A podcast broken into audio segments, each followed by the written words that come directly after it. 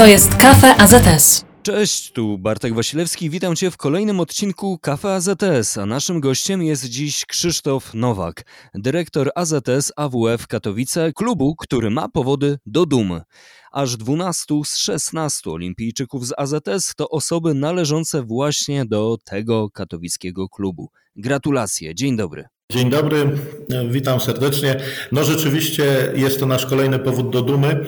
Nie ukrywam, że akurat w sportach zimowych rozpoczęliśmy lata temu naszą drogę do tego, aby pokazać uczelnię AWF Katowice jako bardzo przyjazną studentom, sportowcom. Stworzyliśmy w 2005 roku specjalny program, który wyprzedził o przynajmniej 10 lat program e, kariery dwutorowej, która aktualnie jest e, promowana przez ministerstwo.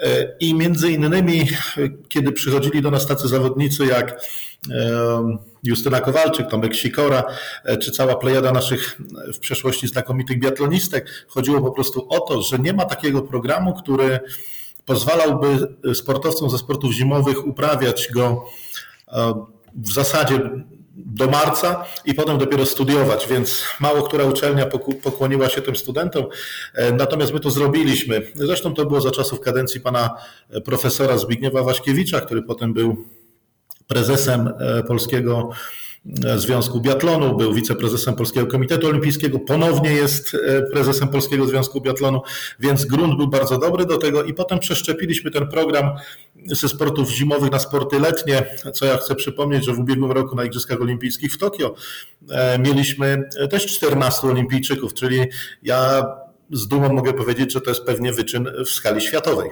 Jak taki program przygotować w takim razie? Na co należy zwrócić uwagę? Jakie ma Pan rady dla innych regionów, dla innych uczelni? Zdecydowanie najważniejszą kwestią jest przekonanie kadry naukowo-dydaktycznej, czyli tych profesorów, doktorów, magistrów, którzy pracują ze studentami, że to nie jest zło konieczne na uczelni, tylko to jest wartość dodana. I my w ten sposób doprowadziliśmy uczelnię do tego, że, że w ramach tego programu IPPS-u, tak to się u nas nazywa, czyli indywidualnych planów i programów studiów, mamy praktycznie 400, około 400 studentów.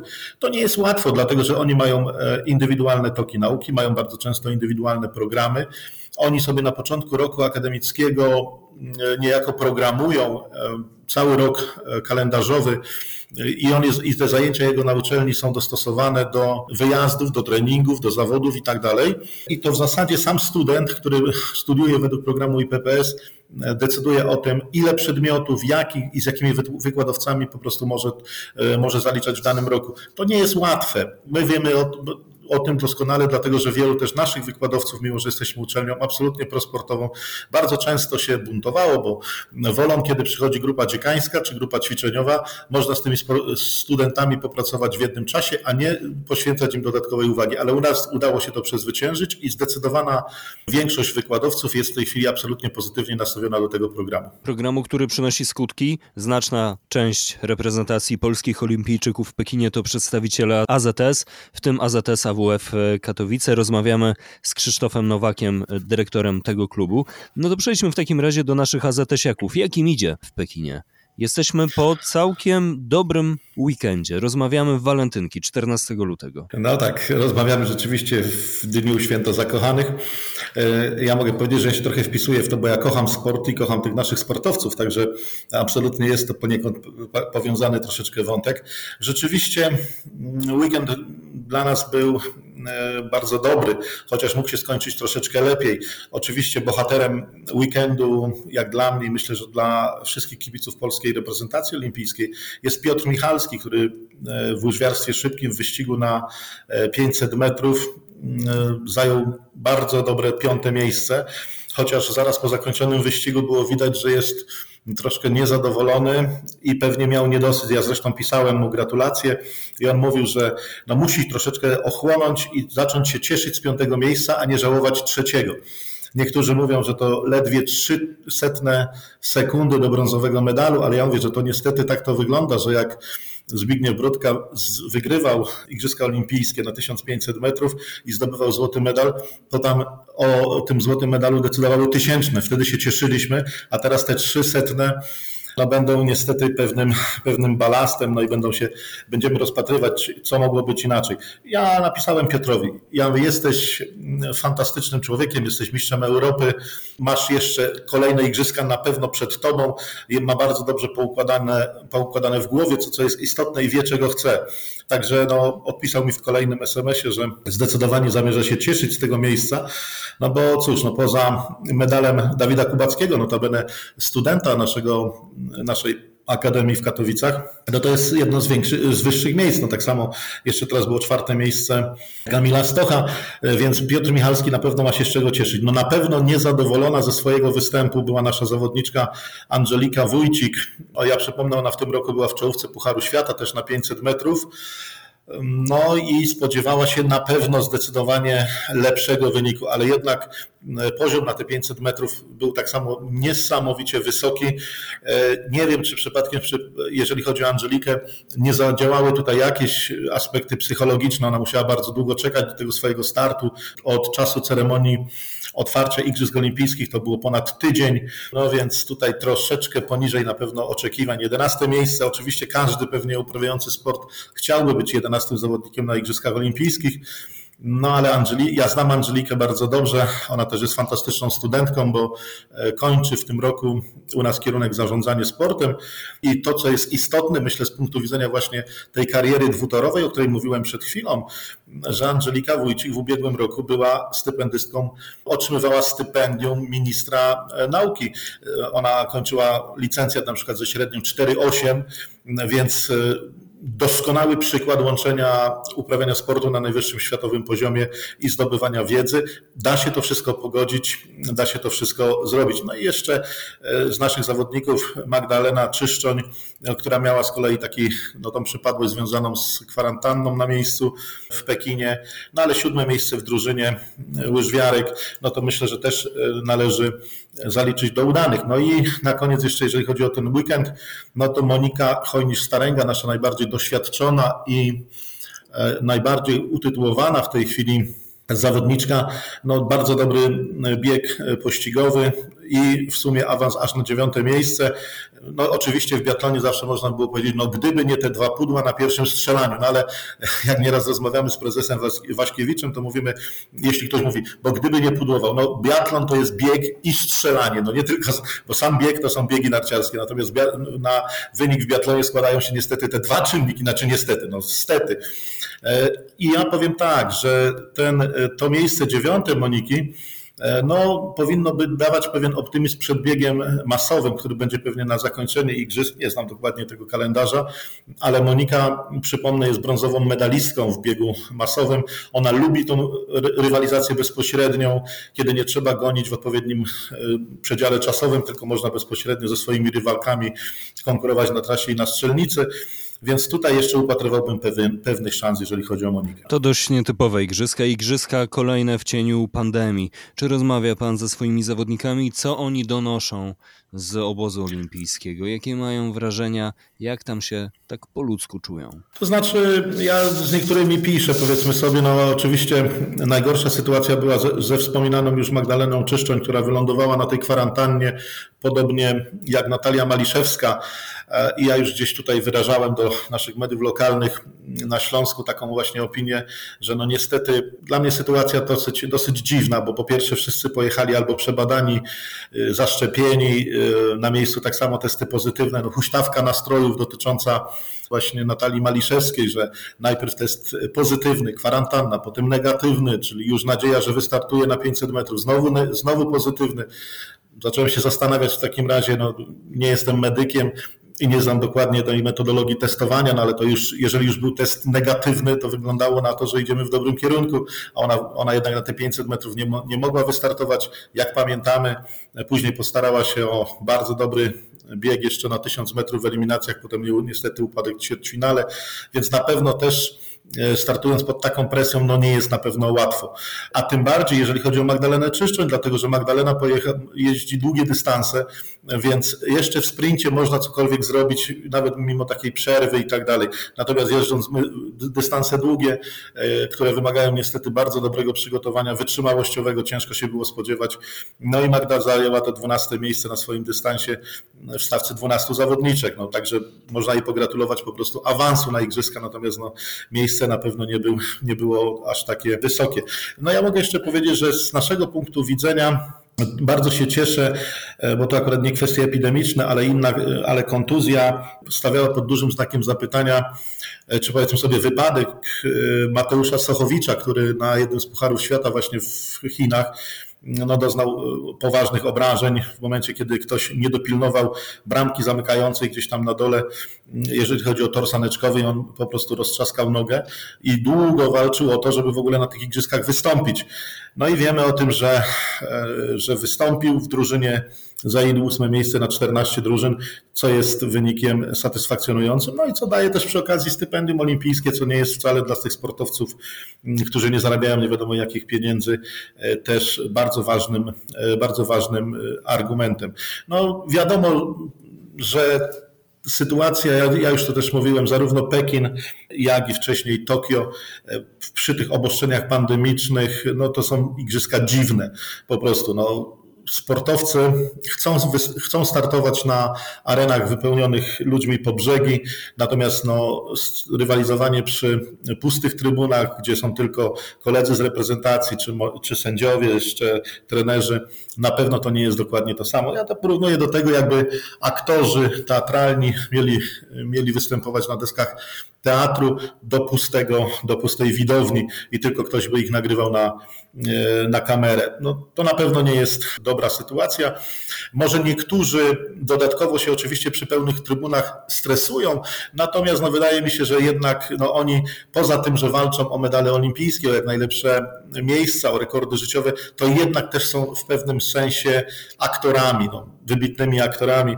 Wiemy, że było wielu takich sportowców na różnych arenach, jak choćby e, Bierndalen, jeżeli chodzi o biatlon, czy Michael Phelps, jeżeli chodzi o pływanie i tak dalej. To są wielcy aktorzy światowego, światowego sportu i dla nich najważniejsze jest również mm, poza tymi aspektami sportowymi e, uwielbienie tłumów i powiedzmy sobie to, żeby, żeby ich jak najwięcej ludzi podziwiało. Więc na pewno ta sytuacja nie była, nie była komfortowa. No i takie igrzyska są dla mnie, dla mnie takie przygnębiające niestety. No nie mamy na to, na to wyjścia, wiemy jakie są, jakie są zasady, jak to dokładnie gdzieś tam wyglądało. E, możemy sobie też na, na, na kanwie Igrzysk Olimpijskich porozmawiać o Australian Open, gdzie Nowak Djokovic też nie, nie wystąpił i też można się zastanawiać, czy to słusznie, czy niesłusznie, no ale takie są zasady. Także no niestety trochę szkoda, że w ostatnim czasie koronawirus również e, rozdaje medale, bo ja tutaj podaję też taki przykład, że na Igrzyskach Olimpijskich e, w Tokio nie wystąpił między innymi w skoku o e, Sam Kendricks, który był e, na pewno jednym z faworytów do medalu, a wykryty koronawirus u niego spowodował, że niestety nie mógł, nie mógł wystąpić. A to przesympatyczny zawodnik, który też robi fajny show na skoczniach światowych. No, ale no, co tu dużo zrobić? Nie mamy za bardzo innego wyjścia, trzeba się stosować do zasad, które w tej chwili panują. A jak będzie wyglądała odprawa po Igrzyskach Olimpijskich? Jak wygląda to analizowanie występów zawodników, wyciąganie wniosków i chęć poprawiania tego, co poszło nie tak? Znaczy, tego typu ocena na pewno należy do trenerów, do trenerów kadrowych i do polskich związków, oczywiście, bo to e, polskie związki desygnowały desygnowały zawodników na igrzyska. Z naszego punktu widzenia klubowego i z punktu widzenia Akademii Wychowania Fizycznego, my mamy z najlepszymi zawodnikami z, y, tak zwane umowy wizerunkowe, gdzie oni reklamują naszą uczelnię, nasze osiągnięcia, nasze zamierzenia i tak dalej, i tak. No i oczywiście wśród tych osób, które były teraz na Igrzyskach Olimpijskich, w Pekinie e, też są takie, takie osoby. No, z niektórymi trzeba będzie te, te umowy zweryfikować, niektórym trzeba będzie je cofnąć czego oczywiście nie lubimy, ale na przykład takiej umowy nie miał jeszcze Piotr Michalski, a piąte miejsce, a piąte miejsce na Igrzyskach Olimpijskich, a wcześniej Mistrzostwo Europy na pewno, na pewno tutaj władzom uczelni da taki asumpt do tego, aby Piotra Michalskiego e, też w tej chwili uwzględnić przy kolejnych, przy kolejnych umowach. Oczywiście ci wszyscy zawodnicy, którzy w tej chwili są na Igrzyskach Olimpijskich, mają stosowne stypendia. Myślę, że porównując to do sytuacji w całej Polsce, nie są one wcale aż takie małe, e, więc sądzę, że akurat spośród tych osób, które w tej chwili w Pekinie było, u nas, jeżeli się odbędzie taka analiza, to się tutaj na pewno nikomu krzywda, e, nikomu krzywda nie stanie. Natomiast co do, e, co do właśnie analizy, czy coś mogło być lepiej, czy coś mogło być gorzej, no to na pewno należy to już do polskich związków. No ja mogę tak powiedzieć na przykład w ten sposób, że w Polskim Związku Narciarskim na pewno będą też analizować kwestie skoków narciarskich kobiet. Mm, to też taka ciekawostka. Tak, sportu, który jest no trochę opóźniony, co sami skoczkowie, sami skoczkowie, przede wszystkim same skoczkinie i trener Łukasz Kruczek przyznają. No zgadza się, także tutaj no niestety akurat e, jeżeli chodzi o męskie skoki, no to od czasów Małysza no mamy po prostu no boom, jeżeli chodzi o te skoki. E, mieliśmy naprawdę kilkanaście lat e, świetnych wyników. Zresztą no, w składzie na Igrzyska Olimpijskie do e, Pekinu pojechało aż trzech mistrzów świata. No także to tutaj jest, to jest, to jest istotne. Mieliśmy też zaplecze. Natomiast jeżeli chodzi o skoki narciarskie, Łukasz Kruczek pojawił się u nas kiedyś na uczelni i mówi, że chciałby po prostu te dziewczyny zebrać w jednym miejscu e, ale ponieważ jest absolwentem Akademii Wychowania Fizycznego w Katowicach, no to e, i współpracował za czasów, kiedy był trenerem kadry narodowej i wtedy, kiedy Kamil Stoch odnosił największe sukcesy. Współpracował tutaj między innymi z naszym profesorem Michałem Wilkiem, jeżeli chodzi o siłę i przygotowanie motoryczne. Robiono wiele badań, więc wiedział, że po prostu można skorzystać z tego zaplecza naukowego również na Akademii Wychowania Fizycznego, jeżeli chodzi o skoki narciarskie kobiet. No i przyszły cztery dziewczyny do nas, no ale no niestety było widać, że dziewczęta jeszcze bardziej odstają od swoich konkurentek niż, niż mężczyźni w tej chwili. No ale ja myślę, że trzeba patrzeć też, jaki jest zasięg i popularność tych skoków. No, jeżeli nie, nie podejmiemy się szkolenia, a tutaj też od tego, do tego jest potrzebna odpowiednia infrastruktura, e, po prostu dzieci, młodzieży e, od najmłodszych, od najmłodszych lat, no to ciężko będzie się spodziewać, żeby z grupy jednego czy dwóch SMS-ów, bo jest Szczyrk, jest, jest zakopane, żeby była, nie, była jakaś, był jakiś bardzo duży sukces w skokach narciarskich kobiet. To jest Kafe AZS. Naszym gościem jest Krzysztof Nowak, dyrektor AZS AWF e, Katowice. Rozmawialiśmy na początku naszej rozmowy o programach, które e, pozwalają przygotować sportowców na występ między innymi na Igrzyskach Olimpijskich. To program IP PS, a porozmawiajmy o finansach i o infrastrukturze. Jak ważna jest infrastruktura i z jaką infrastrukturę mamy mm, w Katowicach? I zadam może takie pytanie najprostsze z możliwych. Katowice są całkiem blisko gór. Igrzyska zimowe, no to góry. No to tutaj trochę zaczyna nam, nam się wszystko układać w jedną całość. No zgadza się. Jeżeli chodzi o e, zimowe dyscypliny, gdzie jak już mówiłem, wysłaliśmy z kilku e, zawodników, czyli mamy zawodników e, zawodniczki z biatlonu, mamy w skokach narciarskich kobiet, mamy w biegach narciarskich oczywiście, mamy mm, Pawła Pejasa w narciarstwie alpejskim, mamy oczywiście trójkę łyżwiarzy szybkich i mamy Mateusza Sochowicza w sportach saneczkowych. Oczywiście trzeba powiedzieć sobie wyraźnie, e, żadnego z tych obiektów w Katowicach nie mamy, bo nie ma tego żadna uczelnia, uczelnia wyższa. E, my po prostu stwarzamy, tak jak ja już powiedziałem na początku naszej rozmowy, odpowiednie warunki do tego, aby e, ci zawodnicy, którzy do nas przychodzą na studia, łączyli to wyczynowe uprawianie sportu ze zdobyciem odpowiedniego zawodu, fachu na przyszłość, czyli, łączy, czyli możemy powiedzieć, że pracujemy nad tą karierą dwutorową. Oczywiście zawodnicy ci trenują albo na, na jakichś obiektach w Polsce, no bo wiemy, że od pewnego czasu e, Dopiero mamy choćby, jeżeli chodzi o łyżwiarstwo szybkie, tor w Tomaszowie Mazowieckim. No mamy obiekty w Dusznikach czy, e, czy w Kościelisku, jeżeli chodzi o biatlon. E, mamy trochę tras narciarskich, ale oczywiście to nie zapewnia też nawet szkolenia całorocznego, więc wszystkie sporty, wszystkie sporty zimowe oczywiście posiłkują się wyjazdami na zgrupowania za granicę. Więc tutaj ta, my oczywiście współpracujemy właśnie ze szkołami mistrzostwa sportowego w Szczyrku czy, czy w Wiśle, gdzie przychodzą po prostu ich absolwenci po zdanej maturze do nas na, na akademię i jest, jest im tutaj najłatwiej. No ale mogę się też pochwalić, że na przykład współpracujemy bardzo ściśle z SMS-em e, w Zakopanem, gdzie skąd przychodzą choćby właśnie e, łyżwiarze szybcy. Przepraszam, SMS-em rozwijmy ten skrót. Szkoła Mistrzostwa Sportowego. Szkoły Mistrzostwa Sportowego, które szkolą e, do poziomu matury, no a potem oczywiście ci, ci absolwenci szukają swojego miejsca, wybierając akademię, znaczy wyższe studia, w tym w dużej mierze, w dużej mierze AWF w Katowicach. No choćby taką, takim też przykładem jest Maryna Gąsienica-Daniel, która jest naszą naszą studentką, nie jest, nie jest zawodniczką AZS-u AWF-u Katowice, ale studiuje na AWF-ie w Katowicach, czy Oskar Kwiatkowski, który w tym roku odpadł w ćwierćfinale slalomu równoległego, również reprezentuje klub z Zakopanego, ale studiuje na AWF-ie w Katowicach. Także to tutaj, co do tej infrastruktury zimowej, my nie mamy obiektów żadnych, no nie, z racji tego, że jej mieć y, nie możemy. Natomiast jeżeli możemy powiedzieć generalnie o infrastrukturze sportowej, no to ja my od dłuższego czasu zabiegamy przede wszystkim o e, powiększenie z naszej bazy o halę lekkoatletyczną z prawdziwego zdarzenia, w zasadzie od 2015 roku e, kiedy Urząd Miasta Katowice przekazał nam naprawdę świetną, e, świetną działkę pod budowę takiej hali, bo ja przypomnę, że w Tokio zdobyliśmy jako AZS AWF Katowice pięć medali,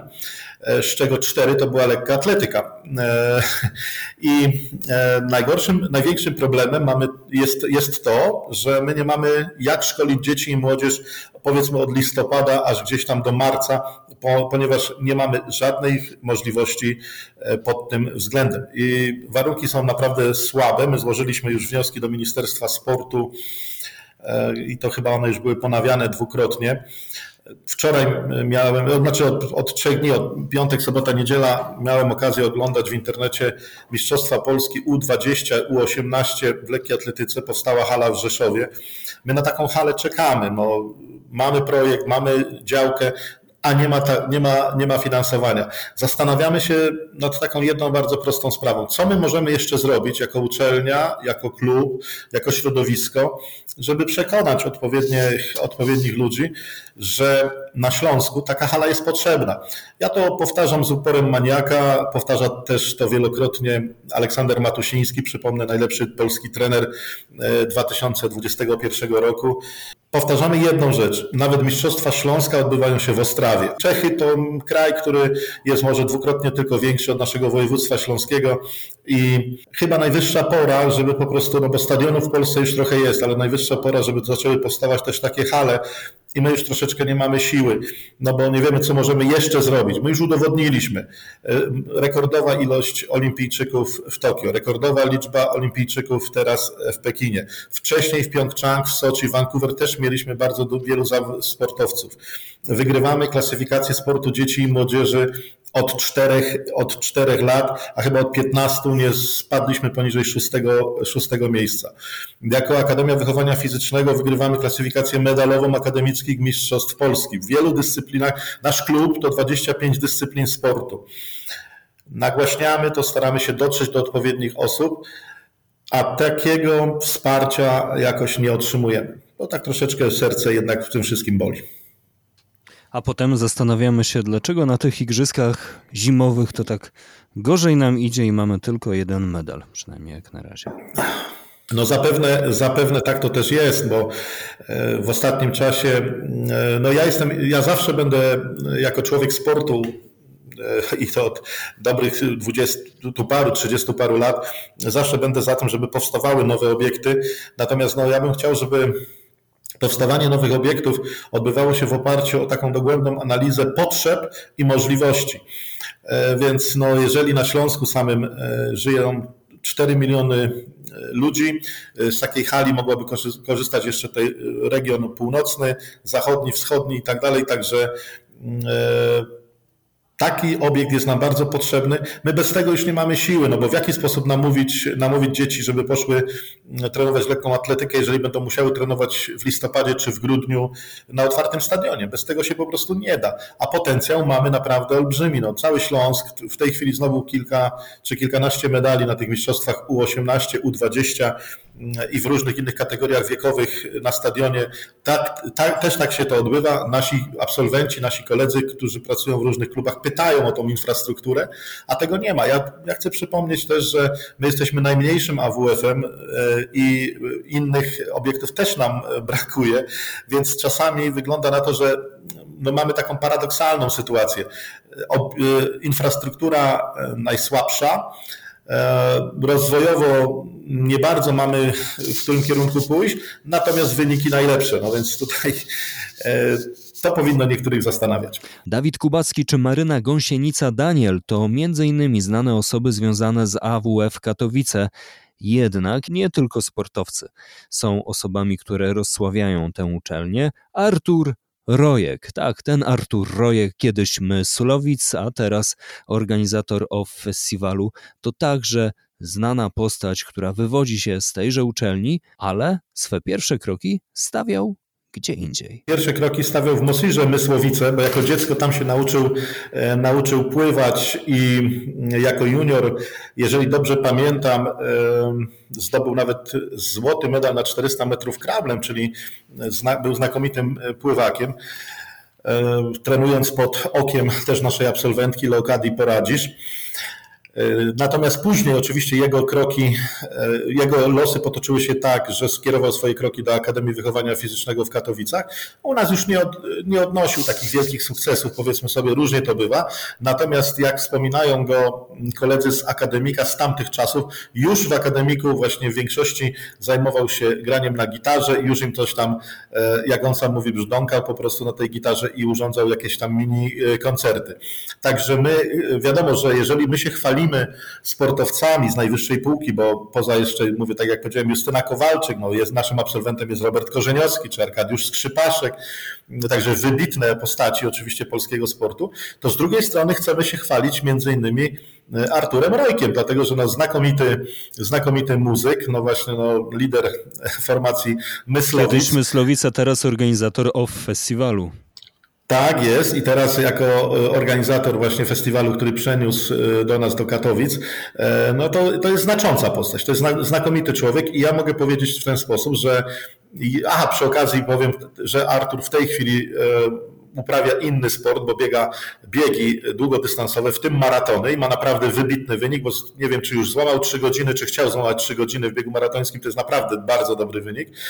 I jeżeli mamy jakieś uroczystości rocznicowe, mm, czy to było 45-lecie, czy tam 40-lecie uczelni i prosimy Artura, żeby wcisnął e, swój koncert e, do nas na AWF również, czy, czy mieliśmy różne gale sportu, Artur nigdy nam tego, nigdy nam nie odmawia. Artur zawsze z sentymentem wspomina Akademię Wychowania Fizycznego. E, no i to czasami tak właśnie naszych gości zdumiewa, że mamy też kogoś takiego wśród naszych, wśród naszych absolwentów. Fantastyczna postać, także jesteśmy dumni, że też, że Artur jest naszym absolwentem. Pozdrawiamy Artura Rojka i trzymamy kciuki, by w 2022 roku OFF Festival doszedł wreszcie do skutku. To był Kafa AZS, naszym gościem był Krzysztof Nowak, dyrektor klubu AZS AWF Katowice. Bardzo dziękuję za poświęcenie poświęcony nam czas. Dziękuję bardzo, to była dla mnie wielka przyjemność. Bartek Wasilewski, do usłyszenia. Cześć.